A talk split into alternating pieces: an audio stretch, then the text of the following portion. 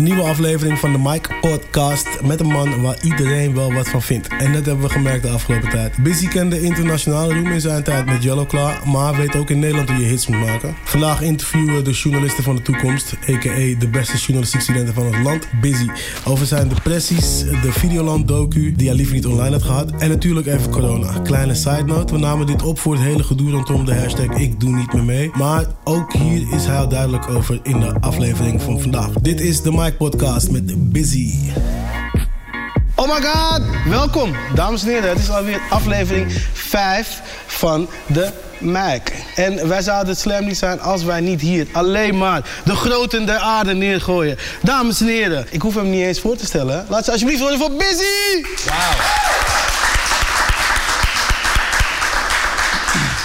Hoe, eh, hoe zit jij met de pers? Want je, je, je kent dit programma of niet? Ik heb, het Ben je ik hier heb wel eens, snel ben- eh, heb je doorheen wel eens gezien? Oké, Ja. achter de mic staan journalistiek studenten. Die gaan jou vragen Oh, hi. stellen. Ja, precies. Eh, ze gaan het je moeilijk maken. Het wordt niet leuk. Oh, ik dacht dat jullie studenten waren in, in mijn sector. Nee, man. In geniusness. Laten we hopen dat er een paar geniussen eh, tussen zitten. Hoe, eh, hoe, ben je, hoe is jouw relatie met de pers? Ja, eigenlijk altijd wel goed. Ehm hedendaags eh, ben ik eh, wel een eh, kritische kijker naar de pers. Of beter gezegd probeer ik het met een korreltje zout te nemen. Ik vind het ook frappant dat nu onder elke website staat dat ze echt de waarheid spreken. Dat vind ik hetzelfde als dat je, dat tegen, dat, dat je vraagt aan iemand van hoe is het met je? Dat je zegt goed. En ik spreek echt de waarheid. maar echt. Weet je maar echt goed. ja. Dan vertrouw ik het niet helemaal. Dus ja, op het moment is het wel, eh, kijk ik wel kritischer naar eigenlijk dan dat ik ooit heb gedaan in mijn leven. Desalniettemin is het ook een tool voor mij om eh, mijn gezicht eh, te laten zien en om nieuwe releases te promoten, om producten neer te zetten. Dus het is een beetje een haat-liefde verhouding. Met een, met, met een eh, ja, eigenlijk net als hoe ik van vrouwen hou, weet je wel. Je houdt eigenlijk wel meer van je dat je ze haat, maar af en toe is het gewoon irritant. hey, laten we even kijken bij de mensen hier... hoe de liefde schijnens hebben haat voor jou is, toch? Let's get it. Wie staat er achter de mic? Hi, ik ben eh, Daan. En eh, om te beginnen wil ik even teruggaan in de tijd. Want toen Busy nog Leendert was, wanneer dacht hij nou... ik ben een echte entertainer? Dat dacht ik al heel vroeg. Ik weet dat wij op de basisschool, ehm, groep 3, 4 of zo, de vraag kregen van wat wil je later worden. En eh, dan zou de meester eigenlijk een beetje gaan uitleggen wat daarvoor gebeuren moest. Toen zei ik nog niet dat ik muziek wilde maken, omdat het was niet per se dat ik dat iets aparts vond. Want ik, ik zong wel altijd liedjes onder de douche die niet bestonden, maar ik dacht dat iedereen dat deed. Terwijl later hoorde ik dat heel veel mensen wel onder de douche zingen, maar dan nummers die wel bestaan. Dus toen had ik dat nog niet echt bedacht. Toen, toen zei ik gewoon van nou, ik wil later showman worden of presentator. Nou, en toen eh, kreeg ik van de meester te horen van eh, dan moet je de journalistiek ingaan. En dat heb ik niet gedaan. Kun je eens laten horen van wat je vroeger eh, onder de douche zong. Misschien iets nieuws wat nog uit kan komen. Ja, kan ik. Maar ik vind dit niet echt een plek om nu een soort van nieuwe release te gooien. Want er zit niet eentje bij die echt eerdaags gaat uitkomen. Maar het, het, het kwam vaak op, op uit wat ik die dag ging doen of mee had gemaakt. Dus ik zong gewoon van... Damn, my dick is still too big for my body. When am I gonna grow? Nee, dat, dat niet per se. Wat ik wel merkte al is dat als ik op straat, als we gingen freestylen en zo, dan rapten wel veel boys over ehm, ja, gewoon dingen van de straat. Eh, en met diezelfde guys maakte ik juist de grapjes over, over chickies. En eh, ja, wat, wat, wat je nu best wel vaak in mijn tekst hoort, gewoon dat het een beetje eh, op het randje is van respectloos, maar dan op een grappige manier, zeg maar. Dat deed ik toen eigenlijk al. Dus als ik, als ik een meid had gevingerd en ze rook of zo, dan freestylde ik dat en dan moest iedereen lachen. En dat was dan mijn skill. En je haalde jouw eerste succes natuurlijk als MC bij Yellow Claw. En was op een gegeven moment gewoon echt een superster in Amerika en Azië. En neem ons eens mee in dat leventje. Hoe ziet zo'n leventje er dan uit? Nou, hoe ziet dat eruit? Het was zeg maar wel iets waar ik ook een klein beetje bang voor was. Omdat ik eh, daarvoor al MC was. Ook al muziek uitbracht. Maar om mijn echte cashflow een beetje te, eh, binnen te halen... deed ik gewoon op, op veel, eh, veel feesten shows. En ineens dacht ik van ja, nu heb ik mijn piek bereikt. Ik moet wat anders gaan doen. Toen kwam Yellow Claw. En dat ging eigenlijk echt als een speer, heel snel. En toen ineens kregen we ook aandacht via Soundcloud vanuit Amerika. En gingen bekende producers en, en DJ's ons, ons draaien. En toen eh, zag ik al één mattie van mij, Marlon van Bassjackers, die alleen maar weg was. Dus toen zei ik al tegen de andere jongens van, nou, dat moeten wij niet doen. Ik wil wel gewoon één weekend pakken en dan verder in Nederland ook belangrijk blijven. Ja, eindstand werd dat monster eh, groter dan onszelf. En waren we alleen maar over op de wereld. En dat is zeg maar, elke eerste nieuwe indruk is natuurlijk gewoon fucking vet. En eh, ja, het was best wel gewoon zoals je het in de film ziet eigenlijk. Echt in Vegas. Ja, stonden, stonden meiden achter ons eh, in de boot gewoon een jurkje omhoog te gooien. Weer waar begin nu ook ineens voor het eerst geïnteresseerd Ah, kijken. eindelijk, eindelijk hebben we het over iets leuks. Ja, en ehm, ja, dan, heb, dan praat je echt over serieuze groepies. Dan praat je echt over fans die echt schreeuwen. eh, op het vliegveld opgewacht worden met private jets, limo's. De grootste suites in hotellen. Omdat het daar... Al ben je een niche, hè, want wij begonnen als een niche eigenlijk... eh, met eh, dubstep en trap. Dat was onze sound. Dat werd steeds groter, ook precies in het moment dat wij doorbraken. Maar zelfs als niche al konden wij zalen vullen van 5 tot 10.000 man. Omdat gewoon overal wonen zoveel mensen. Dat er altijd wel een gro- gro- groep groot genoeg is die ook die niche hard vindt, weet je wel. Dus het begon al gelijk heel overweldigend. En het werd steeds meer. En na een tijdje werd het, eh, dat, dat, dat vond ik ook wel raar, werd het een soort van normaal. Sta in één keer eh, ja, letterlijk van Tampa vlieg je naar San Bernardino in een jet. En je staat drie minuten later naast de Kardashian en eh, French Montana... eh, die voor je optreedt, weet je wel. Ja, dan merk je in één keer van... oh ja, dit is, dit is niet heel anders dan Nederland. Dus het is... ehm, ja, luxe went misschien snel. Ook voor een artiest en ook de, de soort van allure die eromheen zit. Maar in, in eerste instantie is het eigenlijk net als dat je, dat je in een film eh, ziet. Alleen je hersenen nemen het heel snel op. Ja, als je het een keer hebt gezien of tien, dan, dan wordt het normaal. Je noemt al een paar voorbeelden van wat je dan mee hebt gemaakt. Wat is nou het gekste wat je hebt meegemaakt in die tijd? Het gekste wat ik heb meegemaakt. ehm, moet ik even goed. Ja, het gekste wat ik heb meegemaakt was op een Mad Decent blockparty. We deden toen een tour samen met Diplo, Skrillex, Major Lazer, dus die hele crew van Diplo. En het was één keer bij Encore Beach Club in eh, eh, Vegas. En er waren gewoon een groepje, ik denk Vietnamese jongens. En die hadden een tafel al naast ons geboekt, wat al echt iets van 20.000 euro kost.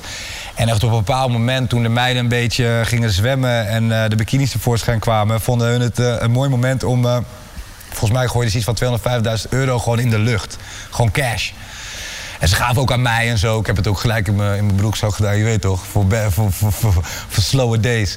Maar dat, dat vond ik insane. Ik vond het zo gek dat iemand gewoon basically een huis, een, een gezinswoning, gewoon op een dinsdagmiddag op een poolparty gewoon zo in de lucht gooide om een beetje indruk te maken. Maar ja, dat is, als jij over de hele wereld komt, dan merk je ook dat wat wij hier als zien als een soort van eh, elite rijke, dat is, dat, eh, die, dat, dat ben je skeer vergeleken met sommige mensen uit Azië die dan even private naar Vegas vliegen om eh, een huis in de lucht te gooien, weet je wel. Dat vond ik wel het meest insane. Want hoe, hoe de vrouwen zich gedroegen en dat, dat gekke, dat eh, vond ik de eerste keer heel weird. Maar dat werd best wel snel normaal. Omdat, ja, dat, dat, dat, het gaat er ook een beetje zielig uitzien dat tijdje, weet je wel. Ja, je had het al over dat eh, iemand eh, dus een gezinspand aan, aan geld de lucht in gooide. Maar wat verdien je nou echt op je top bij Yellowclaw? Ehm, om het top bij Yellowclaw, ja, qua shows. We hebben volgens mij het meest binnen een uur net iets onder de 2 ton binnengehaald. Het is wel zo dat je, je betaalt in Amerika belasting en in Nederland. Dus dat maakt het een stuk minder gelijk. Maar dat was wel echt insane. Dat vond ik wel sick. En ik weet ook dat we in China, waar trouwens het belastingtechnisch ook chiller is... dat we wel eens in een kleine club stonden en dat we dan een uurtje 80k binnenhaalden. En dat vond ik wel heel gek, want dan kwamen we binnen en dan zag ik niet veel meer dan 100 man of zo. Maar die zaten allemaal aan tafeltjes. En dat zijn dan die Chinezen van, van vijf, zes generaties, big money. Toen al coronaproof. Eh, dat was straight up coronaproof. Ja, dat, dan zie je in één keer, zeg maar, dan vraag je dat aan zo'n promotor van hoe kan het dat wij hier kunnen optreden voor dit geld en dat, dat, je, dat jij niet staat te janken naast ons, zeg maar. Hij zei van ja, nou ja, alleen al aan die tafel, dan maken ze drie ton op, die tafel, dit, dit. Weet je, die hebben een hele ander bewustzijn van geld. Die verdient er wel veel, maar wij investeerden heel veel, moesten verdelen door drie. Dus ik moet ook zeggen dat bijvoorbeeld 2019 heb ik ook wel echt met, met, met Busy gewoon zelf misschien wel meer verdiend dan dat ik ooit met Yellow Club verdiend. Bij elkaar, in één jaar. Dankjewel. Ja toch? Dankjewel. Wie staat er achter de mic? Uh, mijn naam is Surya van Internationaal. Met Yellow Claw ben je naar Nationaal gegaan. Wat is precies het concept, het idee en de richting waar je naartoe wilt gaan met Busy? Nou, ik heb gewoon nog wat dromen. In eerste instantie wilde ik gewoon busy opzetten om de kraan niet uit te zetten en iets te doen wat ik gewoon zelf heel erg leuk vond. En ik geloof wel dat altijd als je iets doet waar je gewoon achter staat en je zelf heel leuk vindt, dat mensen het uiteindelijk wel gaan eten. Ja, mits het natuurlijk niet verschrikkelijk slecht is, maar het is zeg maar, de, de, de geloofwaardigheid is denk ik het belangrijkste. Dus dat was voor mij van oké, ik wil iets doen wat ik heel leuk vind en ik wil gewoon iets doen wat centjes oplevert, dat ik gewoon eigenlijk de lifestyle een beetje kan doorzetten die ik gewend was van Yellow Claw. Nou ja, toen kwam Busy. Ik had een beetje gezocht om me heen van oké, wat, wat mist hier naar mijn mening? Toen ik wegging was EDM heel populair. Al die house sounds van Hardwell en uh, Afrojack en zo. Toen kwam ik terug, toen was Broederliefde in één keer helemaal paap in. Dus toen ben ik best wel een beetje uitgegaan dat ik van oké, ik mis nog wel een soort van rauwe versie van wat ik nu hoor. Uh, de sounds uit de slums, de favela's, de townships. Dus dat heb ik een beetje geprobeerd uh, mijn plekje mee te vullen, zeg maar. Dat was eigenlijk het eerste doel, om gewoon mijn plek überhaupt te vinden in de scene. En nu ik daar best wel gewoon mijn plek heb en, en, en, en, mensen kennen mijn geluid wel, maak ik dat eigenlijk zeg maar niet meer zo vaak als eerst. Eerst was het het enige wat ik deed. Dacht ik van als het niet gedraaid kan worden in de club, dan ga ik het niet eens maken. Nu ben ik heel veel eigenlijk voor de rol ook aan het maken en maak ik dat af en toe omdat ik dan weet van oké, heb ik dat gewoon liggen voor wanneer ik vind dat het uit moet komen. Toen ineens had ik traag gemaakt, kreeg ik in één keer weer best wel veel aandacht vanuit het buitenland. En toen ging het wel een beetje kriebelen. Niet dat ik denk van ik wil weer toeren, maar wel dat ik denk van uh, het lijkt me wel echt sick om nog één soort van internationale pokoe te hebben die ja, domme streams pakt, zeg maar.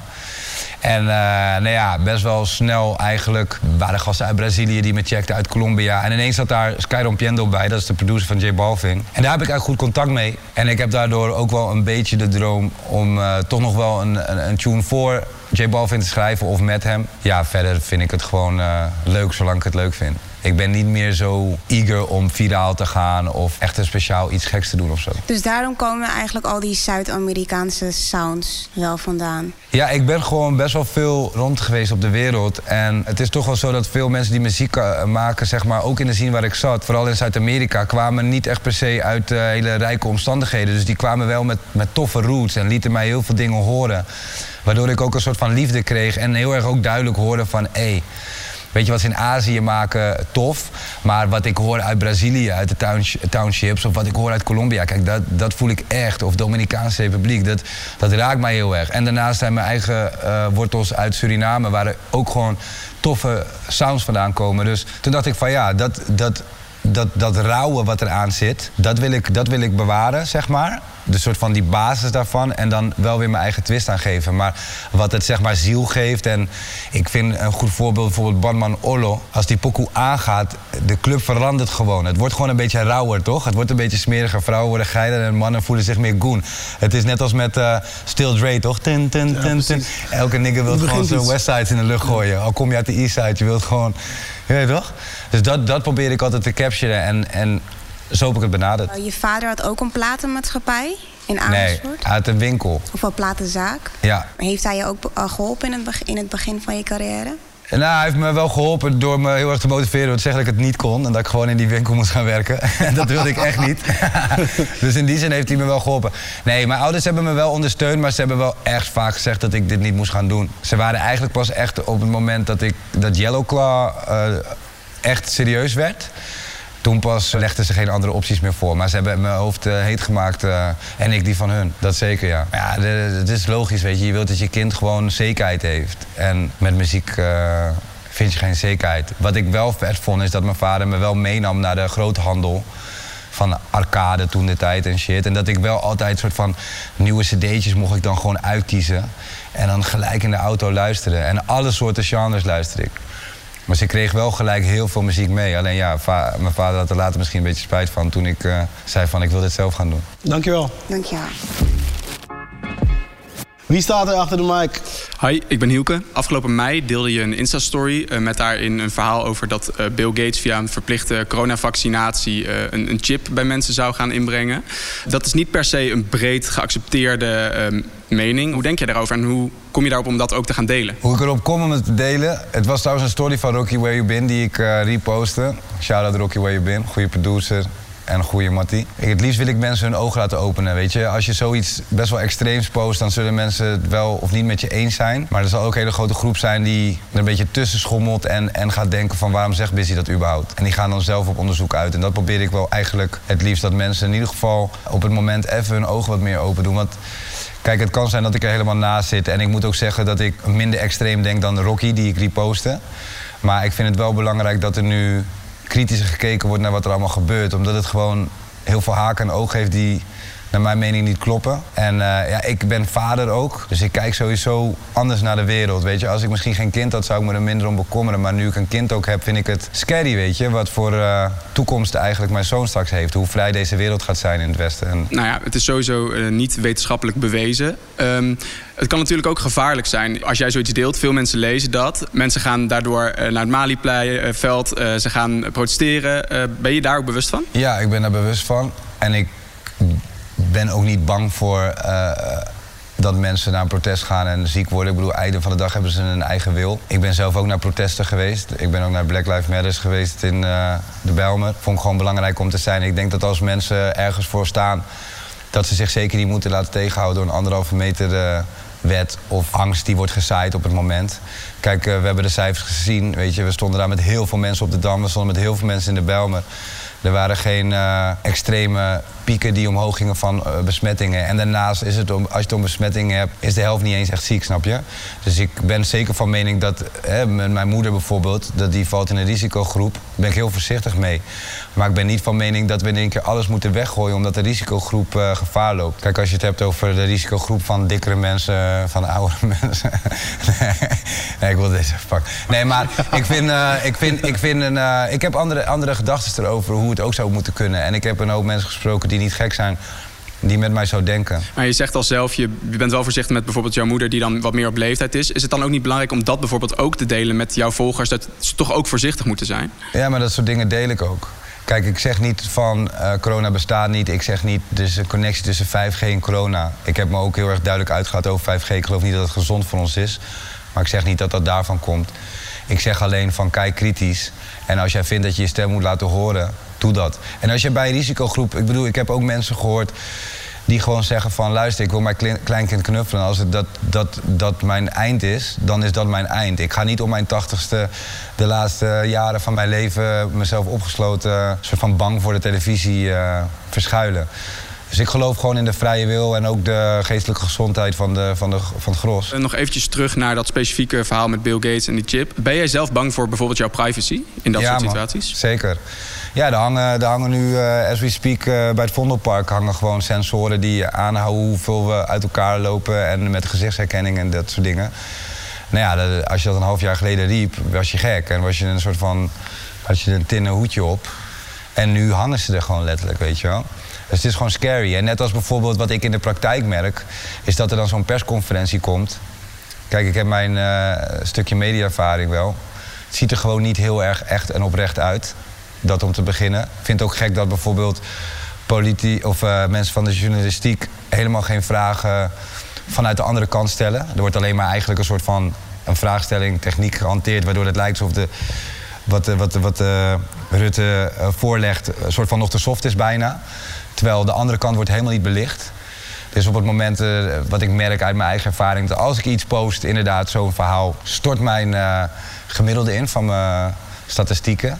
Dus dan wordt het in één keer uit het algoritme gehaald van de social media's. Dat soort dingen die, we, die, die, die wekken argwaan op, weet je wel. Nou, ik sta hier natuurlijk, dit programma benoemt het ook als journalist van de toekomst. Ja, weet je, um, ik wil eigenlijk een altijd zo eerlijk en onafhankelijk mogelijk geluid brengen. En uh, als ik dit soort dingen hoor, van nou, niet specifiek van jou, maar ik het van best wel meer uh, grote bekende Nederlands bijvoorbeeld, dan voel ik me daar best wel persoonlijk ook door aangesproken. Wat zou je dan eigenlijk tegen mij zeggen voor een advies geven voor journalist van de toekomst? Van, uh, heb je nog wel vertrouwen bijvoorbeeld in mij als journalist van de toekomst? Dat ligt puur aan jou, man. Ik bedoel, kijk, ik denk dat, dat als we de hele tijd het nieuws verkondigen wat al verkondigd wordt en een schepje er bovenop gooien met een soort van sensatie angst te creëren. Ja, dan ben je voor mij net als de rest die nu op het moment gewoon totaal niet een soort van tegengeluid laat zien. Ik denk dat als je het heel, heel objectief bekijkt, dat je iedereen een stem moet geven. Dus ook de mensen die inderdaad nu het heel belangrijk vinden dat je anderhalve meter afstand houdt en ontzettend bang zijn en, en niet naar kantoor gaan omdat ze gewoon bang zijn dat zij zelf ziek worden of daardoor de, de, de, de coronavirus verspreiden. Maar ik denk dat ook de mensen die gewoon op dit moment een hele andere manier van leven hebben en eigenlijk best wel strijden voor de vrijheid die ze hadden voor, voor de pandemie ook een, uh, een platform moet geven. En daarnaast is het gewoon gek, weet je. Dat, het is niet alleen maar journalistiek op het moment. Er zijn ook filmpjes van politicus, ik weet even niet wie dat was... die aangaf ook dat als je naar de cijfers keek... dat de pandemie eigenlijk officieel over is... En dat we ook veranderd zijn van het, het, het, het, tellen van de ziekenhuisopnames naar besmettingen. Van een test die niet eens 100% waterdicht is. Dat dat wegvalt in het algoritme van YouTube, weet je wel. Ik zou ook als journalist uitzoeken van, hé, hey, maar waarom gebeurt dat? Andere vraag. Uh, we hebben het over vertrouwen in de journalistiek. Hoe is je vertrouwen in de overheid? Hé, hey, ik zeg je eerlijk, ik zit op millies gewoon puur omdat die vertrouwen er überhaupt nooit is geweest. Maar de dag vandaag is die wel nog minder. Ik vind het nu wel echt een poppenkast. Ik bedoel, uh, Grapperhaus wat een uh, feestje geeft en zegt dat je ASO bent als je dat doet.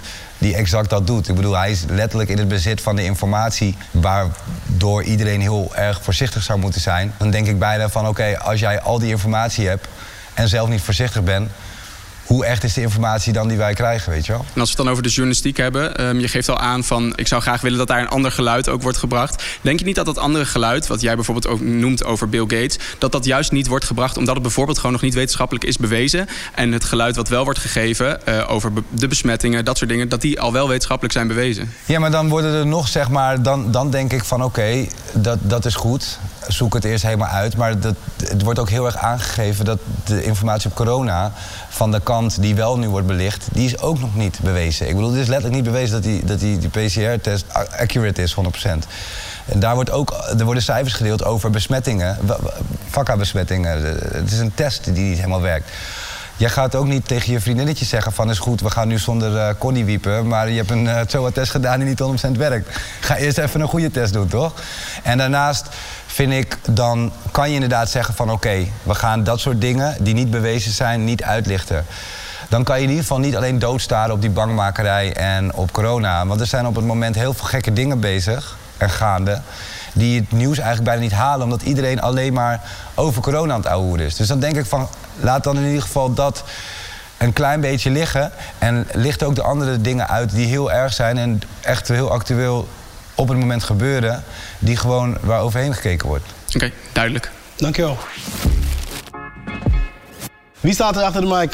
Ik ben Sylvana. In de periode van Yellow Club heb jij een depressie gehad. En vorig jaar ben je wederom in een depressie terechtgekomen. Ja. En ik zou graag willen weten hoe die depressies eigenlijk zijn ontstaan. Ja, dat is een goede vraag. Als je dat helemaal weet, dan, dan zou je ze de, na de eerste keer dan niet meer krijgen. Ik denk dat ik wel... Uh, ik ben daar nu, nu uit, maar nog steeds wel heel erg mee bezig. En ik probeer gewoon nu te kijken van hoe komt het dat ik soms toch wel bijna tegen het geforceerde aan probeer goede cijfers te halen als het gaat om uh, streams, euro's, alles, weet je wel. En dan merk ik wel dat ik een, uh, soort van strenge opvoeding heb gehad waar ik heel veel bevestiging op die manier zocht. En uh, ja, daar probeer ik nu mee te dealen en een oplossing te vinden. Je hebt ook hulp gezocht voor je depressies. Op welk moment ben je dat gaan zoeken? Eigenlijk dat het een beetje te laat was al.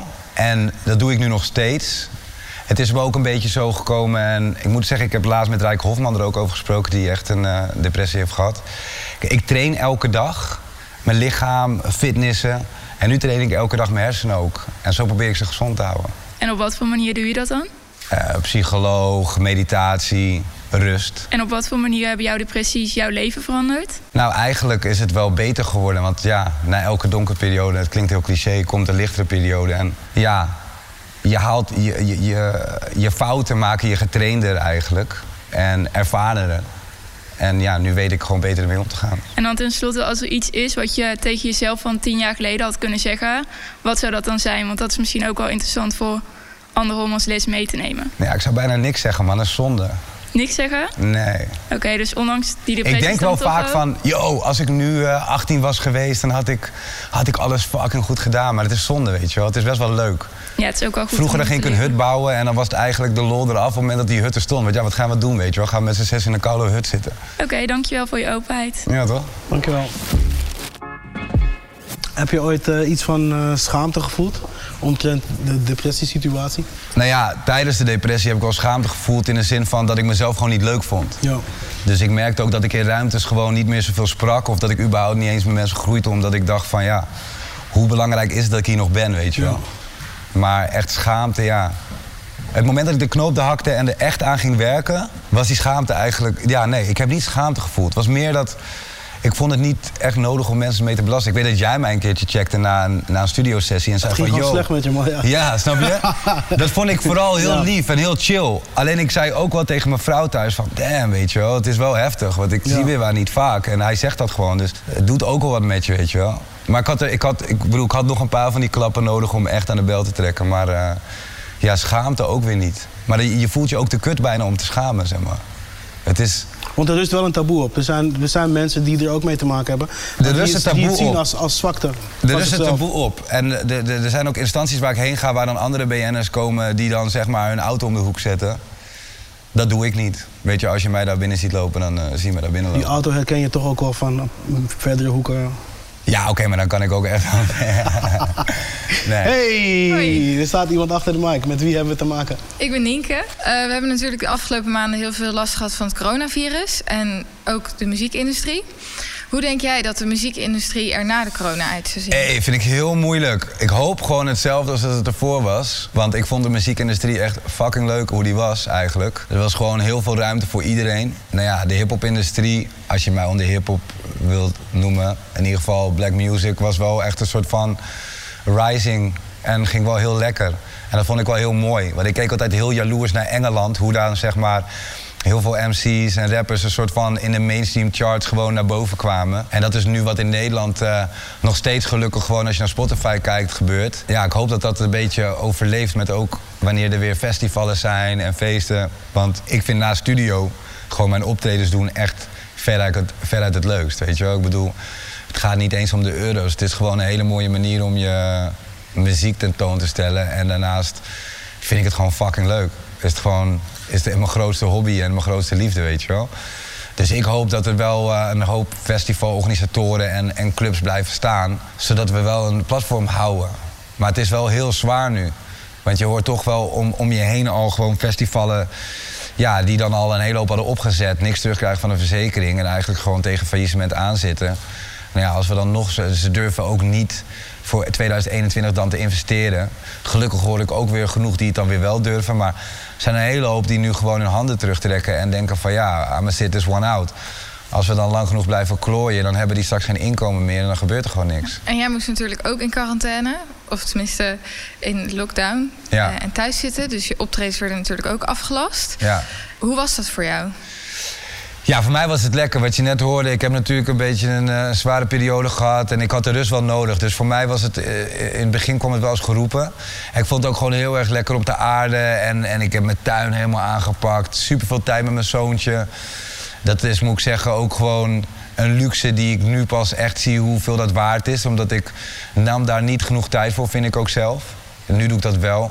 En dat is wel iets wat ik ook door de lockdown, om het maar even zo te noemen, geleerd heb. Van hé, fuck it, ook al wordt het weer druk, ik ga die tijd wel blijven maken. Want het is gewoon leuk, weet je. En het is gewoon toch wel het belangrijkste wat er is. Dus voor mij was het zeg maar persoonlijk geen slechte periode. Ik heb mij ook financieel gelukkig niet druk hoeven maken. Ik vind het vooral frustrerend nu om om me heen te zien van hé, gasten die net zijn doorgebroken, die dan eigenlijk nu ja, amper wat kunnen doen. Weet je, ondernemers die een horeca-onderneming hebben, die gewoon zijn te struggelen. Het is gewoon fucked up, weet je wel. Omdat er gewoon, kijk, als jouw doelgroep on, tot 25 is, dan is het zo gek dat je eigenlijk niks kan doen omdat die mensen de deur niet uit mogen. Ja, en je zei zojuist al dat je dus wel, nou, je ziet dat andere ondernemers lastig hebben. Wat vind je dan van de maatregelen? Bullshit. Ik vind ze niet totaal bullshit. Ik bedoel, in het begin dacht ik ook van, oké, okay, this makes a whole lot of sense. Maar ik vind wel. Uh, ik vind wel dat we, dat we op maat moeten blijven werken en moeten zoeken naar meerdere, ma meerdere mogelijkheden, zeg maar. Een gescheiden economie of, uh, of in ieder geval het, het scheiden van uh, vrije tijdsvoorzieningen. Zoals horeca en uitgaansgelegenheden, festivalen, et cetera. Kijk, als jij kijkt naar de protesten die zijn geweest... als jij kijkt naar het strand in Scheveningen op een, op een hete dag... en naar de cijfers, dan hadden we dus eigenlijk basically gewoon best wel wat festivalen kunnen geven... En helemaal als we de juiste doelgroep hadden gepikt, weet je wel. Als jij gewoon een kaartje niet kan kopen als je ouder dan 25 bent en gewoon gezond bent, ja, dan basically kom je, kom je, kom je nog steeds een hele hoop mensen tegen die gewoon uh, ja, de economie een stuk meer draaiende kunnen houden op dat vlak. En hoe had jij het dan gedaan? Zo. Precies zo. Ja, toch? Oké, okay. ah, dankjewel. Ja, ben je veel geld aan het uitlenen deze dagen aan artiesten? nee, ik ben, uh, valt mee. Nog niemand heeft echt aangeklopt. Ik heb wel aangeboden aan clubs en zo om te lenen. of tenminste om mee te investeren, toch? Dat zeggen van, hey, als jullie een bepaalde maand niet kunnen payen... dan uh, laat me gewoon uh, stil, stille vernoot worden, weet je wel. Tot nu toe heb ik niet heel veel hoeven lenen. Het is meer zo dat ik gewoon zelf ook aan het kijken ben... van hoe kan ik nog meer in de positie die ik zit... meer verdienmodellen verzinnen eigenlijk. Wat denk je? Waar, waar, zit je nu naar te kijken? Want iedereen heeft streamen geprobeerd. Was hem niet echt? Uh, nee, streamen is lekker hoor. Mijn streams gaan gewoon lekker. Dus nee, als in uh, een show streamen, een show livestream. Oh, een show livestream. Nee, dat is fucked up. Dat vond ik sowieso... Kijk, als, als, als, als ik daar gewoon serieus centen voor krijg, doe ik dat nog steeds. Maar dat doe ik niet met, uh, met mijn hart. Dat is gewoon, uh, nou ja, als er dan schijnbaar behoefte is vanuit mijn fans, vind ik het tof om voor hun dat te kunnen doen. Maar dan sta ik niet op te treden met de feedback die ik gewend ben. En dat doet het gewoon niet voor mij. Hé, hey, er staat iemand achter de mic. Hey, ik ben Nina. Hoe combineer je het imago van dat je heel veel vrouwen kan krijgen met een vrouw en een kind hebben? Ja, om het te leven toch? Ik kan heel veel vrouwen krijgen, maar ja, ik heb de mooiste vrouw uh, opgezwangerd toch? de mooiste vrouw heb je al binnengevangen. Ja, en de mooiste zoon. Is insane. Nee, ik, uh, ik, ik, ik vind het uh, um, vet om gewoon... Ik vind vrouwen heel inspirerend. En ook in mijn clips, ik vind het gewoon hard als een chick gewoon echt met passie twerkt en shit. Ik, ik probeer het ook altijd wel op een bepaalde manier te doen dat het eigenlijk niet eens echt ordinair is, maar bijna een soort van art. Ik snap dat sommige mensen nu misschien moeten lachen thuis. Maar in, als jij kijkt naar Spanje bijvoorbeeld, zijn gewoon heel veel meiden die gewoon een hele Instagram voorbestaan. Echt met twerk tricks. Dus niet dat het gaat om het. Tuurlijk, ik denk dat ze blij zijn dat ze likes krijgen omdat ze een mooie bakka hebben. Maar wat zij willen laten zien zijn echt de trucjes die ze die week hebben geleerd met hun vriendinnen. Zoals breakdancers een nieuwe truc kennen, weet je wel. En die, die, die craft die probeer ik wel te laten zien. En, uh... De ambacht van het twerken. Je bent echt nobel. Snap je? Ik ben trying to do, give some back. maar, uh, nee, maar dat is wel het ding, snap je? Want ik vind wel van, oké, je maakt muziek en je laat bijvoorbeeld een, een, een bijle funk horen. Ja, dan ga je niet, dan moet je ook die dans die daarbij hoort, moet je wel laten zien. En dan moet je niet gaan denken van, oh, dat is vrouwen Want dat is daar in die cultuur niet vrouwen Daarmee laten vrouwen zien hoe de fuck ze in, in elkaar steken en hoe goed ze dat kunnen. En het zegt niks over of zij uh, iedereen op Tinder uh, accepteren, ja of nee. Snap je? Dus dat wij dat hier heel erg in hebben geprint, dat mag zo zijn, maar daardoor hou ik mij niet tegen. En daarnaast laat ik ook gewoon mijn gezin zien op mijn social media omdat ik het wel belangrijk vind dat mensen moeten zien van... oké, deze guy, hij pretendeert dit. En het zijn veel, uh, best wel soms vrouwenerende teksten. Maar daarnaast heeft hij ook gewoon enough respect. En dat laat hij ook zien. Want ik bedoel, ik behandel mijn vrouw met respect. En dat laat ik gewoon duidelijk openlijk zien. Dus daarmee probeer ik ook dat evenwicht te bewaren. Het leven en de kunst is uh, twee aparte dingen voor jou. Ja, exactly. Uh, ik vroeg me af hoe jouw relatie met je vader was. Of is. ja, die is goed. Die is wel goed. Alleen hij is wel, hij is wel een strenge nigger gewoon. Ja, hij lijkt trouwens op Dries Roelvink. Oh, lachen. Ja. en hoe, wat, wat neem je mee uit de relatie van je vader? Wat, uh, wat zou je zoals hem willen doen? Wat neem jij mee om met jouw zoontje opvoeden? Ja, wat ik zoals hem willen doen is altijd voor mij klaarstaan. Ik weet gewoon dat wat, wat ik weet is dat als mijn vader zegt van dit doe ik ik hoef geen seconde te twijfelen of hij dat echt voor mij doet. Ik durf nu naar. En dat is, dat is tot de dag van vandaag. Als ik nu in de shit zou zitten in de Sahara, ergens in Marokko, in the middle of the sand. En ik vind op een of andere manier telefoon en ik bel hem op, dan weet ik dat hij de basically binnen 48 uur mij gevonden heeft. Want die man gaat gewoon niet stoppen. En als hij iets in zijn hoofd heeft, dan doet hij het. En dat heb ik ook heel erg van hem overgenomen, zowel op zakelijk als persoonlijk vlak. Daardoor kijk ik ook tegen hem op, ondanks alle verschillen die we ook hebben vind ik dat zo'n mooie eigenschap. Dat, uh, dat heeft me heel veel rust gegeven als kind. En eigenlijk nog steeds. En dat wil je graag meenemen, dat jouw zoontje dat ook voelt? Eh? Zeker, ja. Alle mensen om me heen waar ik om geef, wil ik gewoon aangeven van... hé, hey, luister, als jij in Zeeland uh, met autopech staat, in het ergste geval, ik sta daar gewoon, snap je? Want hoe oud is je zoontje nu? Hij is nu vier. Vier, oh ja. Ja, hij is vandaag voor het eerst naar school geweest. Oh, tof. En hij heeft vandaag van een of andere guy gehoord dat hij morgen in elkaar geslagen gaat worden. Oh. Ja, super weird. Ik heb ook gezegd, je moet altijd als eerst bossen. Ja, het is fucking weird. Groep 2, hè? Ja, man. Hij kwam terug en hij heeft gehoord dat hij... En hij mocht het ook niet tegen de juffrouw zeggen. He ain't no snitch. hij heeft niks gezegd. dit is wel goed dat je tegen mij zegt... ik ga nu mijn kinderen leren meteen te snitchen, man.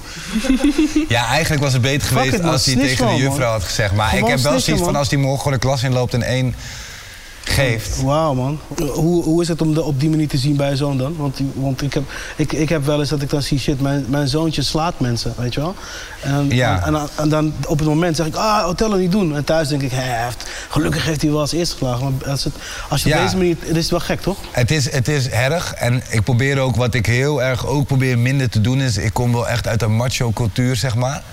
Wat ook wel mij uh, mijn demonen en struggles heeft, heeft opgeleverd, zeg maar. Dus ik probeer ook heel erg daar niet zo meer waar aan te hechten aan hoe mans je bent of dit maakt een echte man. Fuck die shit, dit maakt echt een, een goed hart, maakt een echt mens gewoon, snap je? En dat probeer ik mijn zoontje ook mee te geven. En ik zeg ook tegen hem van, als jij een ruimte binnenkomt, is het altijd leuker. Weet je, het is altijd toegevoegde waarde als jij er bent. Dus je hoeft niet onzeker te zijn of stil te staan bij van doe ik het goed of niet. Als jij gewoon jezelf bent en je komt de kamer binnen, is het leuker. Want november is er ook, snap je? En november is gezellig en lief. Dus dat probeer ik hem mee te geven. Maar als een kind tegen hem zegt letterlijk van ja, je gaat me morgen, eh, ik ga je morgen in elkaar rammen of uit elkaar rammen. Uit elkaar dat was letterlijk wat er gezegd werd? Ja, dat werd er gezegd, ja. Okay. Toen heb ik wel als advies gegeven, ja, geef dan die eerste tik. Want ja, je weet zelf hoe het is. Als jij die klap als eerste geeft, dan is de tegenstander al 60% minder sterk. Even dominantie tonen? Nee, niet dominantie. Het is gewoon letterlijk gewoon praktisch. Het is denk ik gewoon uh, in dit, dit geval... Ik moet wel zeggen, terwijl ik het vertel, begin ik al te twijfelen. Maar... Snap ik. Ja, ik, ik, ik vind het moeilijk, snap je? Als ouder, als je zelf ouder wordt, kom je er ook achter dat jouw ouders ook maar de fok deden wat ze dachten dat goed was, toch? Wat is het grootste misverstand dat je had over je ouders? Ja, ik dacht sowieso dat alles de waarheid was. En ik weet dat mijn pa ook één keer een tory vertelde over dat je van melk kon je dit krijgen. En dat heb ik toen ook op school heel overtuigd verteld. En dat was helemaal niet waar, weet je. Toen heb ik hem ook echt zwaar... Toen was ik echt boos toen ik thuis kwam. Toen zei ik, pa, pak met die melk, man. Dat is echt niet waar. Uh, je redt natuurlijk best wel veel over vrouwen en uh, seks, zoals je net al zei. Maar je wordt, uh, je wordt elke dag weer ouder en je bent nu wat 35, ja, dacht ik. 36. Is het niet tijd om een keer een ander verhaal te gaan vertellen? Nou, ik vertel wel heel veel andere verhalen, maar die, die shit krijgt gewoon niet zoveel streams. Dus schijnbaar willen niks gewoon alleen maar over neuken luisteren gewoon. Dus nee, ik vertel wel andere verhalen. Maar dat krijgt inderdaad gewoon echt aanzienlijk minder streams. Ik blijf het daardoor niet, niet vertellen. Alleen... Eh, voor de mensen die zeggen van uh, je zegt alleen maar dit, dat is gewoon niet waar. Alleen ja, niggers luisteren ook niet daarnaar dan. Dan kies je toch voor uh, toch maar weer een nummer over seks, omdat het... Nee, ja, ik maak het allebei. Alleen die nummers over seks, die, die, die schreeuwen van de daken, want die, die krijgen gewoon, gewoon hoge chartnoteringen. Ja, en uh, dat laatste zei je net dat je uit de macho-cultuur komt. En dan schaal je ook wel uit het macho... Uh... wel nog? Ik probeer het nu niet meer zo te doen. nou volgens mij wel. En um, wanneer huil jij eigenlijk? Wanneer ik huil? Als ik verdrietig ben. Maar zoals wat voor momenten? Ik kon eerst helemaal niet huilen. En uh, uh, ja, in mijn depressie heb ik wel een tijdje gehuild. Dat ik het gewoon niet meer wist. Dat ik gewoon een leven zonder mij als beter aanzag. Toen heb ik wel gehuild. En vind je dan, want er hangt vrij een taboe op depressie en mannen die hun uh, emoties uiten. Ben jij bang om in het openbaar ook je emoties te laten zien? Nee, ik ben niet bang om mijn emoties te laten zien. Alleen ik praat er wel liever over dan dat ik echt soort van hier ga gaan staan janken. Ja, ja toch Maar ik heb wel uh... clips ge gemaakt waarin ik huil. Omdat ik het gevoel wat ik toen had wilde laten zien. Dus ik ben niet bang om in een video te huilen of zo. Maar ik vind het ook niet echt nodig of zo. Ik, ik moet dan wel gelijk denken aan van die vloggers die dan naast elkaar zitten van ja, we gaan uit elkaar. En uh, we gaan het nu filmen en dan huilen. Of ik denk aan La Fuente. Weet je wel, dat vind ik ook gewoon too much. Ja, maar hij mist ons gewoon. Hij mist ons. Maar hij mist ons, je weet toch? Dus dat Super. Nou, dat was ja. hem. Dankjewel. Dankjewel. Hoera, er staat iemand achter de mic. Hi, ik ben Marlon. Ik had een paar vragen over kritiek. Want er wordt wel eens gezegd dat jij eigenlijk meer een slimme zakenman bent dan een goede rapper. Jouw vriend JJ Boske zei dat laatst bij Slam Statements. En Willy was het er ook mee eens. Wat vind je daar zelf van? Ja, ik vind mijzelf voor, voor Dead Matter niet eens een rapper. Dus uh, ja, ik ben ook niet een goede kunstschaatser, maar ik ben ook geen kunstschaatser. Dus, maar je vindt uh, jezelf wel een goede zakenman of een goede artiest? Ik uh, vind mezelf wel oké okay zakenman. Ik vind het dom om te zeggen dat je een goede zakenman bent van jezelf. Waarom? Want uh, mijn techniek van zaken is dat ik mezelf altijd wel best wel dom hou. Dus mensen denken altijd dat ik dommer ben. Wat wel altijd heel goed voor me werkt. Dus voor, uh, voor die uh, mensen die denken dat ik dom ben, uh, it's true, I'm stupid as fuck. Ja, ik ben niet zo... Kijk, weet je, ik kom uit Amersfoort. Daar had je vroeger uh, DAC met uh, Jiggy J en uh, Diggy Dex... en nog een paar rappers die ook nog bezig zijn, Woodstick, et cetera. Jiggy J was altijd al heel erg over van... ja, het moet super moeilijk met de lyrics. Die gasten waren zes weken bezig met een pokoe. En ik heb gewoon niet zo'n lange concentratiespan. Weet je, ik, ik weet letterlijk niet wat de fuck ik ga zeggen als ik voor de mic sta en de beat al ingezet wordt door de, door de engineer. Ik snap het als heel veel mensen denken van ja, het is geen goede rapper of het is simpel wat hij doet. Ik vind het master, omdat in sommige nummers vind ik dat niet, niet geldig. Omdat ik dan best wel ja, gewoon mijn best doe en over nadenk wat ik zeg of zo. Maar in andere nummers vind ik het ook alweer een soort van sick dat ik gewoon letterlijk de meest bekeken video heb. Bijna op de wereld, in ieder geval in Nederland. Nederlandstalig, met traag. En ik zeg gewoon, weet ik veel, 40 keer traag in die tune.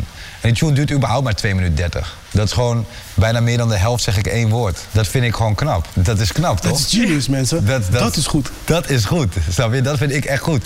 Maar wat ik net aan het begin zei is van... als jij zelf oprecht die shit hard vindt, weet je. Als jij alles wat je maakt echt met je ogen dicht kan luisteren...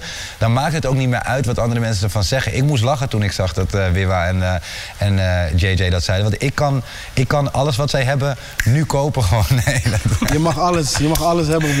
nee, nee, nee, dat is bullshit. Maar ik vond het, ik vond het grappig, omdat ik vond het gewoon grappig.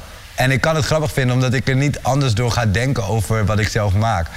Het is net als met een tatoeage, snap je? Niet iedereen vindt jouw tatoeage mooi. Mensen zullen soms wel zelfs je, je, je hertengewei boven je bakka gewoon uitlachen. Maar ja, als jij hem hard vindt, dan maakt het niet uit wat die mensen ervan vinden. Dus ja. En als hele belangrijke mensen in jouw leven dat iets negatiefs zeggen, vind je het dan wel erg? Ja, dan vind ik het fucked up. Als ik een nummer maak voor mijn vrouw. Ik heb Aventura voor mijn vrouw gemaakt. Die vindt zij niet zo hard.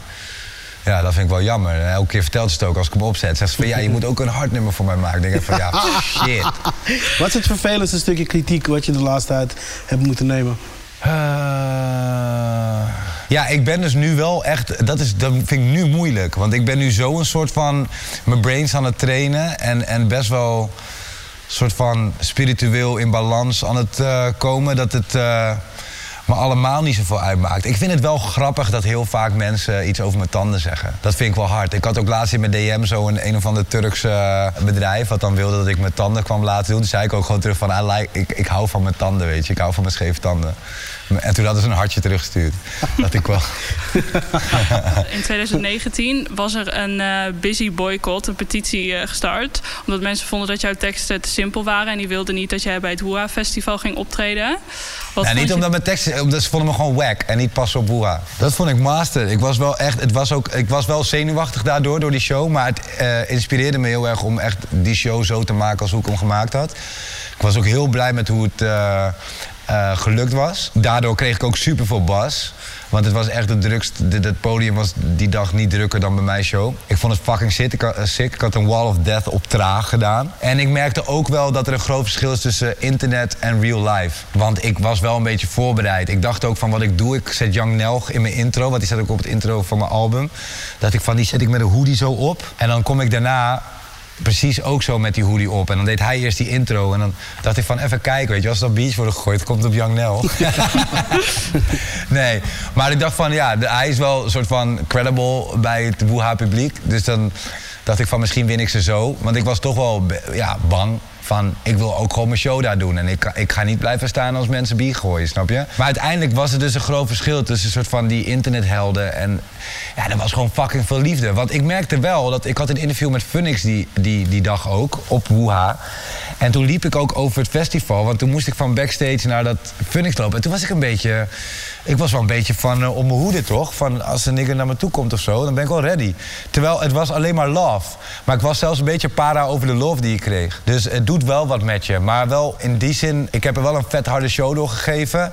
En na die show was ik dat ook gelijk kwijt. En het echte paranoïde ervaarde ik alleen maar, zeg maar voor die show toen ik over het festivalterrein liep. Dus het heeft me niet heel lang bezig gehouden. En wat als het nou die liefde er niet zou zijn en je werd wel bekogeld met bier? Wat had je dan gedaan? Ja, dan had ik wel gewoon huilend mezelf gemasturbeerd uh, gewoon in Tilburg.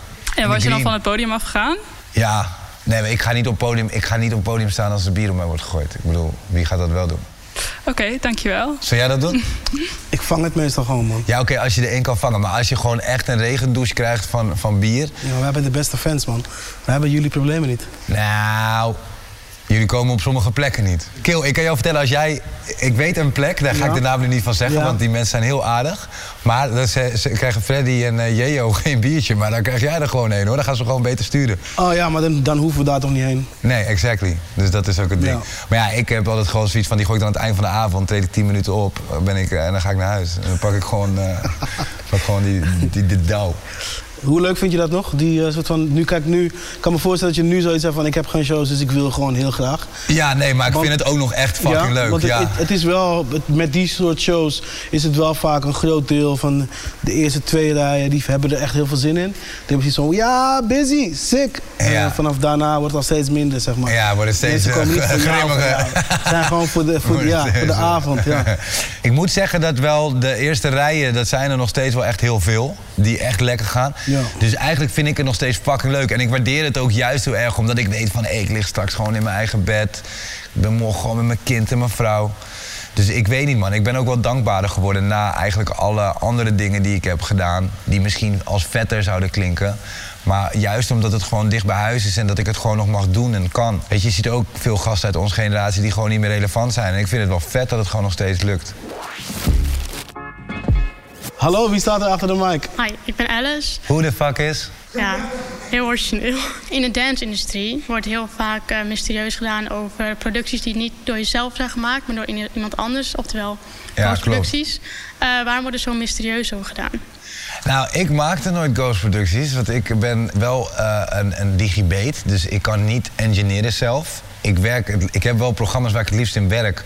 Maar dan nog moet ik ernaast zitten en met handen en voeten uitleggen hoe ik het wil. Ja, ik denk dat sommige artiesten misschien eh, denken dat het eh, zijn allure verliest op het moment dat hun fans erachter komen dat ze eigenlijk hele goede A&R's zijn, maar niet per se hele goede muzikanten. Ik denk dat dat ook gewoon een craft is. Ik vind het ook knap hoe eh Chris Cross Amsterdam eh, constant gekke hits blijft scoren. En volgens mij maken zij er geen geheim van dat ze eigenlijk niet zelf de muziek maken, maar ze stellen alles samen. Dat is wat... Nou, Yuki maakt wel veel, hoor. Ja, Yuki maakt wel veel, maar niet voor Chris Cross. Nee? Nee, volgens mij niet. oké, nee, hun hebben wel gewoon een, een, een vast team. Maar dat is ook fucking knap, snap je? Want er zijn genoeg eh, gasten die, die, die wel zelf muziek maken... maar niet zoveel hits scoren als hun, snap je? Dus ik zou er nooit een geheim van maken. Maar ik denk dat dat gewoon de angst is van, eh, van dan de DJ... dat die denkt van ja, de- ver- verliest het de romantiek of zo. Hebben jullie bij Yellow Claw wel eens eh, iets voor iemand anders gemaakt of hebben jullie iets wel eens iets laten maken? Wij hebben nooit dingen echt eh, gekocht. Van, eh, nou ja, maar we hebben wel met heel veel jongens samengewerkt. En we hadden ook wel een vast team aan producers... die gewoon ons idee heel erg uitwerkten... of basically ons op een idee brachten omdat hun al iets hadden staan. Wij werkten wel af, eh, afzonderlijk van elkaar. En de dingen die ik deed was altijd eigenlijk met Jan Felix samen...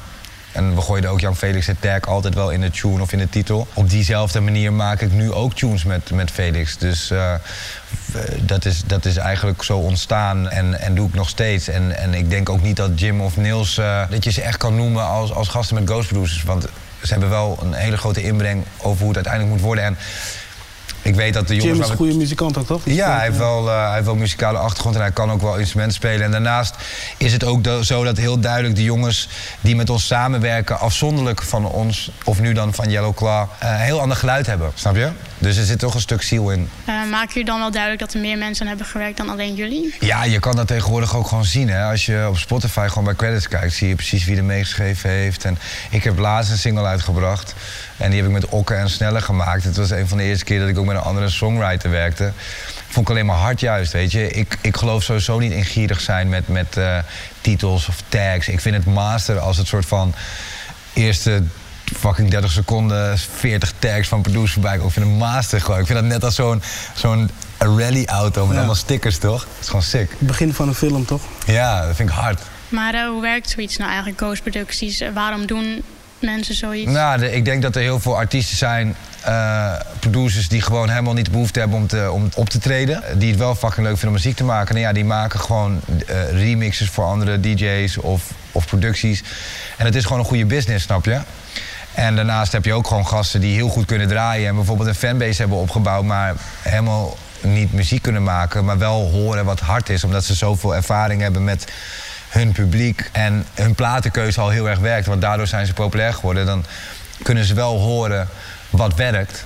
En ja, dan checken ze een ghost producer en dan zeggen ze van... hé, hey, dit past in mijn set en dit gaan mijn fans hard vinden. En dan soms werkt het ook en dan is het hard. En heeft degene die dan het gemaakt heeft, krijgt die dan rechten een deel? Of krijgt die eenmalig geld? Dat ligt er per deal. Weet je, je hebt natuurlijk gewoon guys als een Chesto. Ja, die kill is fucking groot. Die kan wel afdwingen dat hij wat rechten krijgt als die een, uh, als die een pokoetje koopt.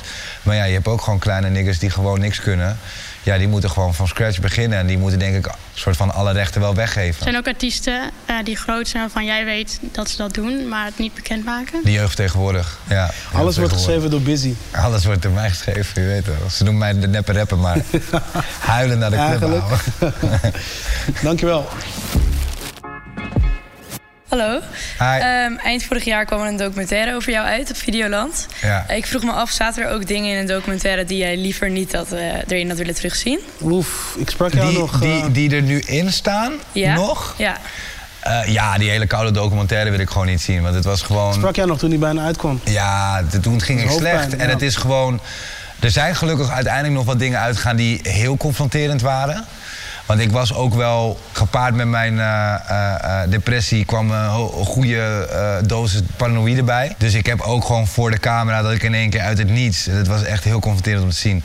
Dat mensen achter me staan, dat ik gewoon zeg van. Ja, als jullie over mijn rug willen lachen, dan, dan moet u dat lekker doen. Maar misschien moet u gewoon proberen humor te hebben en niet over mij te praten. Terwijl, ja, ik zag dat op beeld ook terug. En dat, dat was zo anders dan hoe ik het in het moment ervaarde. Ja, dat was wel confronterend. Maar die hele koude documentaire is confronterend. Ik, zou, ik, ik heb hem ook nooit meer gekeken. Ik heb hem gecheckt en daarna heb ik hem nooit meer gekeken. Hoe moeilijk is het om dan... Want je weet ook, in, in de game waarin we zitten... hoe echter je gaat, hoe groter de cloud. Ja. En ik weet, you love cloud. Ja, maar op dat moment gaf ik ook geen moer om Cloud. Want ze wilden ook uiteindelijk nog met, met Pathé een hele uh, première doen. Ik zei gewoon, Weet je, ik kan er nu niet, niet voor zorgen dat die docu helemaal niet uitkomt. Dus breng het uit. I don't give a fuck anymore. De cloud vond ik niet belangrijk. Ik ben daar sowieso gelukkig. Ik denk dat dat ook wel een nashock is van... Uh, of een nashock. Ik denk dat dat is iets wat ik geleerd heb eigenlijk uit mijn uh, depressie. Is dat het cloud... En, en, en, aandacht en dat viraal willen gaan, dat, is, dat staat voor mij niet, niet aan aandacht, dat staat voor mij aan euro's. Maar ik heb nu genoeg cloud gehad om ook te hebben wat ik denk ik nodig heb ik ben er niet zo panisch meer op, weet je wel. En ik vind ego gewoon is, uh, een grote vijand. En op het moment dat het om ego gaat en cloud, dan word ik helemaal een beetje angstig. Nee, ik had die docu liever niet online gehad. Ik heb ook nooit de cijfers gehoord. Ik weet niet of het goed of slecht bekeken is. Ik heb geen idee. Zou je nog specifiek iets kunnen noemen wat je er liever niet had in willen terugzien wat er nu wel in staat? Ja, dat ik over ex-artiesten spreek, bijvoorbeeld, die ik gemanaged heb. Dat had er voor mij al niet eens ingehoeven. Of ja, zoveel, weet je. En waarom staat het er dan wel in? Ja, omdat basically als alles eruit ging wat ik eruit wilde, was er geen docu. Dus ik moest wel een beetje soort van uh, gaan kiezen. Er is wel echt heel veel uitgehaald. Ik, heb ook, ik kwam ook een keer random met water uit. Ik, ik, in die docu ben ik aan het surfen.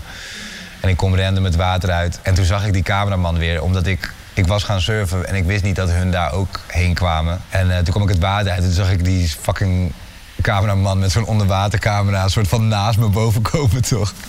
En toen heb ik echt mijn surfplank gewoon overal heen gesmeed... en kapot geslagen tegen de rotsen en shit.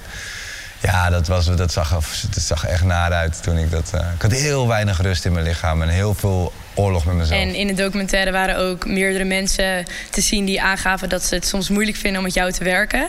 Ja. Uh, hoe vond je dat om dat terug te zien en terug te horen? Nee, dat vind ik niet moeilijk. Ik heb ook de docu niet meer gekeken, dus dat weet ik niet eens zo goed meer. Ik, ik kan me daar heel goed in vinden. Ik snap dat het niet leuk was om met mij te werken die tijd. Zijn er ook nog dingen die je hebt geleerd van jezelf door het terugzien van de documentaire? Niet met Noobie te werken. ja, dat is, dat, ik ben nu weer gezond en dat zou ik nog steeds niet doen. Oké, okay, top. Dankjewel. Ja, Wack Company. dankjewel. Hoe komt het dat je na zoveel ervaring te hebben in deze game... toch met zo'n verkeerd productiebedrijf in zee gaat dan? Nou ja, kijk, dat is ook het moment wanneer je erachter komt wie je vrienden zijn en hoe je in het leven staat als het echt slecht met je gaat. En zo kom je ook achter een productiebedrijf als het echt slecht met je gaat. Ja. Hey. Dag Willy. Dag Busy. Denk je dat mensen in een tijd van sociale media en globalisering zelf nog kritisch genoeg nadenken? Uh, ik hoop het. Ik hoop dat mensen nog steeds kritisch genoeg nadenken. Maar uh, Ja, als je kijkt naar de amount of plastic in mensen hun gezicht, dikke lippen en uh, nepborsten en zo, uh, denk ik dat het al een, uh, een stuk minder is. Want ja, je weet toch, ze nemen een soort van ideaalbeeld over van Ex on the Beach. Terwijl als ik ernaar kijk, denk ik van... dat is de laatste vrouw dat ik zou willen dat mijn vriendin ooit wordt... of dat ik mee naar huis neem. Terwijl ik denk dat als een meisje zich dan zo gaat verbouwen... tot in hoe, hoe ze er daar uitzien... dat ze dan denken van het gaat mij geluk opleveren. Tenzij ze het puur uit zelfdestructie doen. Kijk, uiteindelijk probeer ik ook gewoon niet te oordelen... en uh, een soort van open mind te hebben... en te denken dat mensen nog steeds gewoon in het echt leven heel lief zijn.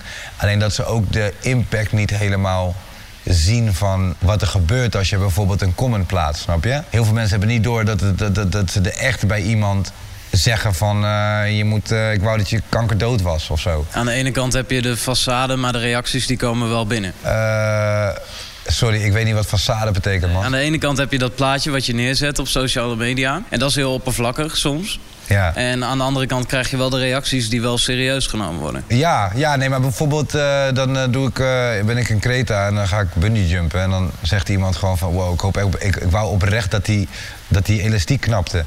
Denk ik van wow, bro, dat is, dat is echt best wel heftig. Want ja, als het elastiek knapt ben je dood, toch? En als het grappig bedoeld is? Ja, maar ik kan de toon niet horen. En, en het is ook gewoon...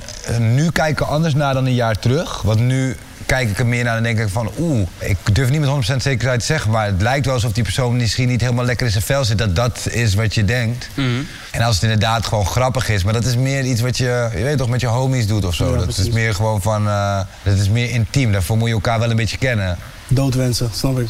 Doodwensen is wel, daar moet je elkaar langer van kennen. Niet alleen met je echte dingen. nou, ja. Hoe is je daar maar daar, Het is, wel, het is wel een punt waar ik straks nog even op terug wil komen. Maar je had het net al even over de scanners in het Vondelpark. En je hebt het ook wel eens gehad over China en hoe totalitair die samenleving is en hoe alles gecontroleerd wordt. Denk je dat wij ook die kant op gaan? Ik hoop het niet, man. Het is een onderbuikgevoel. je de kans? Ik, ik ben er wel bang voor. Ik zeg je heel eerlijk, ik, ik ben wel serieus aan het overwegen om, uh, om te verhuizen uit, uit, uh, uit Europa. Als je dan kijkt, wat zou jouw doemscenario zijn, jouw 1984? Ik snap, ik snap niet wat je zegt, man. Sorry. Maakt niet uit. Nee, wat, wat zou jouw doemscenario zijn? Wat is het punt dat jij zegt van... hé, hey, uh, dit is een land of een nou ja, Europa waar ik niet meer wil wonen? Ja, wanneer we gewoon gedragsregels opgelegd krijgen, et cetera. En, en of dat, dat mijn kind uh, van mij af wordt gepakt als ik of mijn kind ziek is. Weet je, gewoon basically als, als, als vrijheid wordt afgenomen. Als de justitie of de politiek gaat bepalen wat ik uiteindelijk echt met mijn leven doe. Kijk, ze bepalen nu dat wat ik verdien, dat ik daar een deel van moet inleveren. Omdat shit costs money, snap je? De weg, uh, ambtenaren, et cetera. Nou ja, als ik zeg maar België inrij vanuit Nederland, merk ik ook heel goed van oké. Okay, en daarnaast vind ik het ook heel goed dat wij vluchtelingen opvangen. Dus daar betaal ik graag wel aan. Maar op het moment dat het niet meer echt onderbouwd is, dan is voor mij eigenlijk al de streep best wel uh, getrokken. En dan denk ik wel van, uh, snap me. En al helemaal niet voor mijn kind. Kijk, wat, wat het grootste gedeelte is, zeg maar, is, is, is, is, is zeg maar de paniek en angst die nu gezaaid wordt. En je merkt ook gewoon hoe mensen er uh, door beïnvloed worden. Want weet je, mijn uh, schoonmaakster die had laatst dat haar auto stuk was. En dat ze gewoon het ergste aan de autopech vond ze dat iedereen eruit schold. Terwijl ze gewoon fucking op de weg met de auto stond, wat gewoon in de weg stond. Maar daar kon ze helemaal niks aan doen. Ze stond ook obviously niet te chillen. Ze was gewoon de auto en de ANWB aan het bellen. En gewoon niemand heeft haar geholpen. En alleen maar mensen hebben uitgescholden. Dat was gewoon het, het, het, naaste aan. Niet dat het regende of dat de autokosten waren of whatever. Dat was het fucked upste. Er zijn rellen. Er is gewoon heel veel uh, verdeling. Je merkt wel dat er steeds meer behoefte komt aan het tegengeluid. Ja. Denk je dat jij die schoenen kunt vullen? Want je hebt het wel vaker ook over dit soort onderwerpen, ook op sociale media. Denk je dat je in die zin een voorbeeld kunt zijn voor jongeren? Nou, ik, ik, weet niet of ik een voorbeeld kan zijn. Ik, ik zeg gewoon wat de fuck ik denk. En ik denk gewoon zo. Is dat niet juist iemand die we nodig hebben uh, in nou ja, het tegengeluid? Iemand die zegt wat hij denkt? Ja, ik denk wel dat iedereen gewoon moet zeggen wat hij denkt. Want ik denk dat ook heel veel mensen thuis uh, met z'n achter op de bank zitten... en dan commenten met van... hé, hey, jullie houden je niet aan de anderhalve regel. Snap je? Heel, ik denk dat iedereen even moet echt nadenken wat hij echt denkt... en dat moet zeggen. Want heel veel mensen denken überhaupt gewoon nu niet zo heel erg. Die nemen gewoon shit in en dan is dat de waarheid. Omdat, oh ja, want ik, mijn hele leven werd de waarheid op het nieuws verteld. Of mijn hele leven is wat de menigte denkt, is de waarheid. En ineens schommelt dat een beetje. En ik denk als iedereen nu gewoon heel erg gaat denken wat hij echt denkt dat iedereen wel vragen gaat stellen. Want als jouw vrouwtje terugkomt van vakantie en ze komt met zo'n onsamenhangend verhaal als dat de politiek op dit moment geeft over de, over de gedragsregels, dan denk jij dat zij gewoon gegangbankt is door uh, dat zij gewoon geblackt is gewoon. Ik hoop het niet. Ja, ieder, ieder zo zijn ding natuurlijk. Een maar hele glowgang. Natuurlijk zit er wel een bepaald risico ten opzichte van je carrière. Want Lange Frans die zei ook gewoon wat hij dacht. Alleen dat pakte voor hem niet zo heel goed uit. Nou ja, zijn cijfers zijn beter dan nooit volgens mij. Zijn ja? laatste single doet het wel goed. Oké. Maar ben je niet bang dat het schadelijk kan zijn voor je imago? Kijk, ik weet dat het schadelijk is voor mijn imago. Maar aan de andere kant, als jij gewoon nog, nogmaals wat ik zeg, weet je, als je er echt achter staat, dan is het real. En daarbij, als het niet zo is, wat ik gewoon hoop, dan is iedereen het over drie maanden toch alweer vergeten, snap je? Dan doe ik één ander ding wat gewoon slim is in marketing en dan weet niemand ervoor wat ik zei toen. Je had het eerder al over mediteren en je spiritualiteit. Hoeveel heeft jou dat geholpen om te zeggen wat je denkt en daar nog meer in te groeien? Als je dingen opkropt is nooit goed, dus daarom moet je denken wat je zegt en zeggen wat je denkt. Tenzij je mensen kwetst, dan hou ik gewoon mijn mond en zwijg ik. Niet altijd, maar wel als ik het niet nodig vind. Wat ik vooral heb, is wat ik net wilde zeggen, is dat ik, ik zie uh, matties op mij heen die ook best wel een groot bereik hebben. Die dan heel krampachtig soms zijn met van... oh, uh, als ik hier nu een joint op steek, dan zien mensen me dit. Of als ik dit nu post, dan... Uh, ik ga me niet bemoeien met dit hoor. Die denken altijd heel erg van hun hele carrière zit erop... als je één ding soort van random roekeloos roept. Maar dat is, bro, je moet echt fucking ver gaan. Ik bedoel, als, als rapper Sjors morgen een fucking harde tune dropt... dan kan die, dan kan die nog in, in, in 16 transgenders een snicker duwen. Het maakt niet uit. Weet je, Chris Brown heeft zijn fucking wereldberoemde vriendin... met de grond gelijk geslagen, het ziekenhuis in. Hij is papin. Hij is papin. Stil. En langer dan heel veel gasten die je vriendin niet in elkaar hebben geslagen, snap je? Ik zeg niet dat je je vriendin in elkaar moet slaan, maar het is gewoon echt niet zo eng om te zeggen wat je denkt. Want het valt altijd wel weer te marketen, snap je? Als je echt heel graag dan door wil. Oké, dankjewel. Hi. Thanks. Wat valt er niet te marketen? Ja, ik denk poep eten, kinderprostitutie kinderen. Kai, Kai van der Ree. Poep eten nog wel. Ja, poep van nog wel. ik denk as long as je stay away from the kids. Ja, precies. Dat kan ja. alles.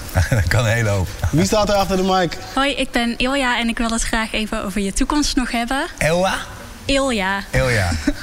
Ilja, um, Ilja. Nou, je noemde het net al eigenlijk uh, dat je overweegt om te verhuizen uit Europa. Bali is een keer gevallen. Het betekent dat het einde van Busy? Nee, nee, nee, nee. nee. Nee, het betekent sowieso nooit eind van busy. Ik, ik durf dat sowieso nooit aan te geven. Als ik nu uh, morgen bedenk van ik heb er geen zin in, maar ik denk over 40 jaar ik heb er wel weer zin in, dan houdt dat me ook niet tegen. Dan ga ik niet in één keer met een soort van dragon, dragon grandpa, formerly known as busy, ga ik niet mee terugkomen. Dan kom ik gewoon straight up busy. Gooi ik tattoo weer, uh, poets ik de tattoo op en ga ik gewoon weer de deur uit. Nee, ik weet het niet. Ik ben er op die manier er niet mee bezig, want ik zie het ook voor me om te zeggen van... bijvoorbeeld hoe Wiwa het doet met, met, eh, met de jeugd tegenwoordig... is dat ze alleen maar festivalshows bijna doen. Dus eigenlijk in de winter treden ze sowieso niet op. Dus ik zou ook in de winter in, uh, in, in een Bali kunnen wonen. Fucking lekker gaan. En dan in de zomervakantie van mijn zoontje... toch heel veel festival in Nederland pakken. En ik bedoel, tegenwoordig maak ik heel veel pokoes waarin ik niet eens de, de producer of de, de featuring uh, in de studio heb gehad. Dus dat zou ook vanaf Bali kunnen, snap je? Oké, dus naast de kledinglijn en naast het muziek maken zijn er geen andere plannen voor de toekomst? Jawel, Greenmeister. Uh, Greenmeister moet steeds groter worden. Dat is een informatie-app waarop je eigenlijk een, een coffeeshop finder. Daar uh, kan je gewoon naartoe gaan, www.greenmeister.nl. En dan waar je ook bent in Nederland, vind je eigenlijk gelijk de beste koffieshop naar jouw wensen. Wil ik parkeren? Wil ik pinnen? Wil ik binnen zitten? Wil ik een bepaalde soort wiet? Dus dat is wel leuk. En we willen het wel even volhouden nog, want er kwamen nu al wel een paar grote buyers. Maar uh, ja, dat geeft alleen maar motivatie om het nog meer waar te maken. Oké, okay, dankjewel. Dankjewel. Hoe vond je hem gaan? Ik vond het wel leuk. Ik, uh, ik vind het echt wel. Ik heb trouwens ook een vraag. Ik, ik, mag ik ook een vraag stellen? Hey, ik ben blij, want normaal vraag ik altijd: je hebt het programma nog nooit gezien. Want we zijn al seizoenen lang bezig. Maar aan het einde vraag ik altijd: heb jij misschien ook een vraag? Ja. Ik zou wel eens willen weten, uh, vooral um, de twee jongens met blonde haar. De, de, laat, de ene laatste en uh, Niels of zo, hè? Ik ben ik gewoon oprecht nieuwsgierig naar. En, en hoe heet ze? Sylvana? En jou ook eigenlijk. Jullie denken jullie zijn veilig. Ik heb eigenlijk aan jullie alle drie dezelfde vraag. Dus uh, jij bent de lul, want jij kan er kort over nadenken. Ik ben benieuwd wat, wat jullie droomplatform is om straks als journalist te werken eigenlijk. Uh, ik denk dat het best wel moeilijk is. Ik denk dat er al heel veel is wat, wat heel erg mooi en goed is. Ik denk dat uh, voor mij persoonlijk is de NOS vind ik een heel mooi platform. Dat bijvoorbeeld. Ja. Goedgekeurd? Of af? ik had wel dat, verwacht een New York Times of zo. Ja, je, moet, je, moet, ergens beginnen, hè? maar in, binnen Nederland in ieder geval. Oké, okay, ja, hou hem even binnen Nederland. Want ja. gaat nu iedereen New York Times noemen. Ja. Maar waarom dan NOS? Ja, als ik kijk naar hun berichtgeving over verschillende onderwerpen... dan uh, vind ik dat, ligt dat het dichtst bij mij hoe ik het zou doen, hoe ik het zou aanpakken bijvoorbeeld. Ai. En dan met name, ik vind bijvoorbeeld, nou, ik ben best wel jong nog... Uh, ik vind NOS Stories bijvoorbeeld een, een heel mooi platform... dat, dat ook uh, echt mooi naar, naar een eigen doelgroep toe werkt bijvoorbeeld. Ja. Duidelijk. Yes. Had ik ook een beetje gedacht. Ik ben een beetje... Ik probeer nu... Oké, okay. zelfde vraag? Ja. Is het altijd tactisch om je dromen op tafel te gooien? Jawel. Je... Ja, tuurlijk bro. Okay. Want uh, de, als jij nu... Je hebt het goed gedaan. Laten we, laten we daarvan uitgaan dat je het goed hebt gedaan. Dan zie je nu het droombedrijf waar jij wil werken binnen Nederland. Gaat het gewoon zien. Aan de ene kant natuurlijk dingen als Vice en zo. Die diepgang vind ik super tof. Maar ik zou veel liever zelf iets opzetten. Want ik mis ergens wel, vooral op cultureel vlak connecties tussen verschillende stromingen. Dingen bij elkaar brengen als artiesten en schilderkunst of poëzie. En daar een grotere scene voor maken, wat ook de focus heeft op diepgang. Ik denk dat journalistiek daar wel een sleutel toe kan zijn. En in die zin ondernemen zou ik heel tof vinden. En dat mis ik af en toe wel, want de muziekscene is best wel vaak de muziekscene. En de kunstscene is best wel vaak de kunstscene. Dus daar valt heel veel terrein te halen. En waar we het over hadden, die zoektocht naar diepgang die mensen hebben... En dat verlangen naar connectie, wat heel vaak ontbreekt door social media, ja, daar is terreinwinst te halen. Daar kun je wel mee. Was vet. Want ik vond de manier waarop je vroeg, deed mij heel, deed mij heel, een heel ander platform. Hij heeft je zwaar onderschat. Ja, nee, dit is echt Oké, welk platform? Ik dacht, ik dacht van, ik, ik, Telegraaf, man. Oh shit, ja, dan moet ik daar maar voor gaan, man. Ja. Ik daar... Nee, ik ben eigenlijk niet zo heel fan van de Telegraaf. Nee, dat merk ik nu ook aan je antwoord. ja, dus ik wil het ook bijna niet zeggen. Ja, nee, Telegraaf, maar, ja, ik mag het niet eh, zeggen, maar Telegraaf vind ik niks. Nee, nee, ja, ik kan me voorstellen met wat jij, hoe jij er nu naar kijkt. Het, uh, maar dat vind ik, ik ben blij dat ik het heb gevraagd, man. Ja, ik hoop dat je misschien uh, bij Vijs anders iets zelf iets keihard doet, man. We zullen het zien. Voor mij ook weer dezelfde vraag. Ja, toch? Wat ik heel graag zou willen laten is voor een platform te werken wat heel erg taboe doorbrekend is. En ik vind dat dat er nu echt nog veel te weinig is ook. Ik ben zelf dus bijvoorbeeld ook heel erg voorstander van spuiten en slikken. En ik denk dat soort dingen waar gewoon echt... Van programma of uh, van, van spuiten en slikken? nee, maar ik denk een platform waarin dat nog veel meer zou zijn. En dan ook op alle onderwerpen. Dus inderdaad ook gewoon. Ja, want jij stelde de gevoeligere vragen, toch? Ja, over kwesties, ja. ja. En het lijkt mij wel heel tof om echt gewoon ook andere mensen meer daarmee te gaan helpen. En ik denk vooral wanneer ook echt steeds meer jongere generaties daarmee in aanraking komen dat het ook heel belangrijk is. Ja. Dus ook net zoals dat je nu ziet met gevaar op social media en pest op social media, maar ook wat er natuurlijk gebeurt met naaktfoto's en dat soort dingen. Ik denk dat jongeren daar nu uh, veel te weinig eigenlijk in worden begeleid. Dus ja, dat is een hele grote impact natuurlijk. Dat te gaan doen. Ik vond het vet, want uh, je, je, stelde vragen die ik vond ze ook best moeilijk hoor om te beantwoorden. En um, ik, mer ik merkte van best veel, en dat vind ik heel normaal, dat jullie in zo'n situatie, dat zou ik zelf ook zijn, zou ik hier best wel zenuwachtig zijn. Dat jij die vraag stelt die eigenlijk heel veel journalisten mij überhaupt niet eens durven te stellen. Ja, vond ik wel vet. Oké, okay, tof om te horen, dankjewel. Ik dacht eerst, wauw, oké, okay, je gaat die vraag stellen, oké, okay, goed. Dat van, het is goed dat je die vraag stelt, maar het is wel... Wat, je, wat mensen wel heel vaak vergeten, is dat je heel, heel diep in iemands leven gaat. Ja. En dat snapt hij ook wel. Dus ik voelde wel dat in de manier waarop je de vraag stelde...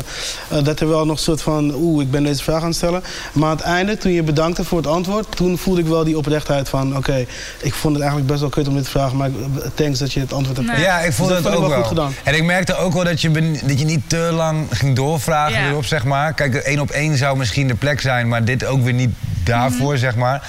Dus ik vond dat je het goed aanvoelde en ik vond het ook uh, ik vond het spannend, zeg maar. Eigenlijk, ja. het enige moment dat ik het spannend vond om hier te zitten was toen jij hier stond. Oké. Dus uh, ja, dat ja, vind ik, wel vet. Ik vind het heel tof dat je toch hebt geantwoord. En ik denk dat het ook wel echt ja, een inspiratie is voor anderen... om misschien er toch ook meer open over te gaan praten. En ik denk dat dat vooral heel belangrijk is. Ja, toch? Ja.